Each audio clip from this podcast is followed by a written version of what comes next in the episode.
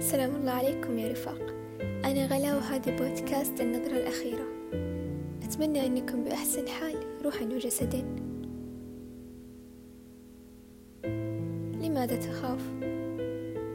لماذا تخاف من التجربة الجديدة؟ لماذا تخاف من القديم؟ لماذا تخاف من الغريب؟ لماذا تخاف من الفشل؟ أبسط من أنك تجعل الخوف يسيطر عليك فيها وأن يتحكم في قراراتك وأفعالك. أنت كن المتحكم في خوفك وليس الخوف هو الذي يتحكم فيك. الخوف لعين لو تمكن منك سينتشل عليك فرص عظيمة جدا في هذه الحياة. سيحرمك لذة الخطوة الأولى ببدء حديث مع شخص عزيز. وسيسحب منك فرص المجازفة وحس المغامرة ستنام وتصحو على شعور خوف من دون فعل أي شيء استحقه أهلكت نفسك وستفني عمرك بين أسوار الخوف. لا أنت الذي تقدمت ولا الذي أنجزت وغامر مجرد إنسان خائف.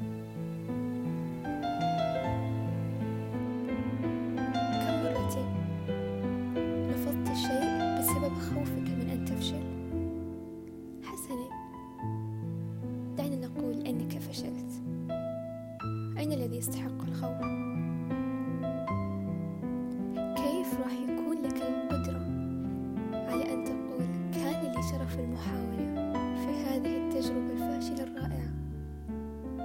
الفشل ليس عائق وليس سبب لتوقف الحياة ولخوفك المستمر منه يا رفيق. الدنيا كبيرة جدا. إذا فشلت قف على ساقيك وشرب ماذا ستخسر؟ بل بالعكس.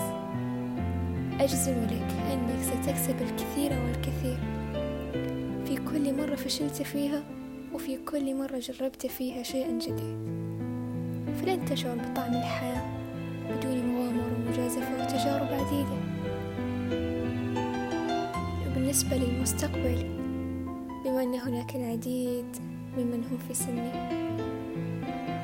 يفكرون ليلا ونهارا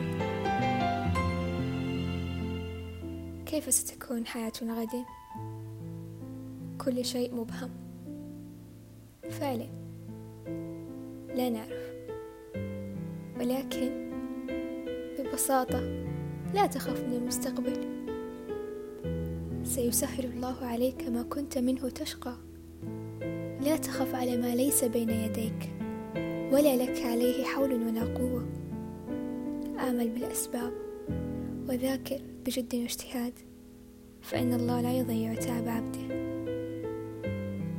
ولا تكن خائف من الماضي ومحبوسا فيه فما ذنب روحك من أن تجعلها تهلك وهي حرة طليقة سعيدة وقوية.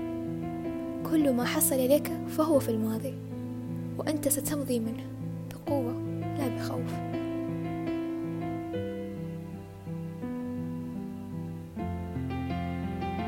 وأما بالنسبة لكلام الناس لا تخف منه.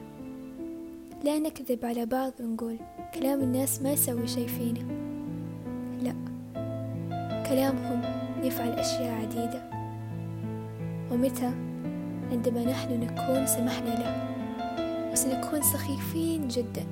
لو صدقنا كلامهم وعشنا حياتنا بناء عليه. آذوني بكلامهم السيء. سأقوى فيه. سأترك شغفي بسبب رؤيتهم بأنه مضيعة للوقت وسيفشل وتحطيمهم المستمر لي.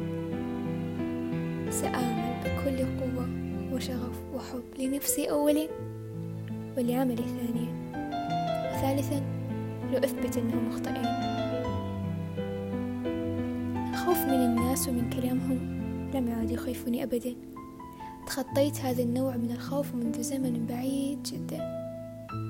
تخطيته عندما أصبحت أخاف على نفسي من أن تذبل روحي وتخمد أفكاري. وأن أكون تخمد أفكاري. وما يستحق الخوف أيضا هو أن تخسر نفسك وأن تخسر كرامتك وأن تخسر كلمتك أن تخسر من كان لك سند وملاذ آمن أن تخسر شخصيتك وأن تخاف من أثر كلماتك على غيرك. خاف من أن تكون إنسانا جاهل. خاف على أن تصبح إنسانا دون عاطفة. خاف من أن ينزع الله عنك الرحمة. خاف من أن تكون مقصر مع رب العالمين. خاف من أن تضيع أمانة أو أن تفشي سرا. الخوف دلالة حياة قلب الإنسان ولكن لا يحق لهذا الخوف أن يدخل مسار حركتك ويعيقك إن دخل أوقفه الآن أو إن استشعرت قدومه أمنعه وازن الخوف في نفسك وأجعله في أماكنه الصحيحة. لتعش حياة صحيحة. ويقول سينيكا الفيلسوف الروماني الشجاعة تقود إلى النجوم والخوف يقود إلى الموت. ودمتم بخير.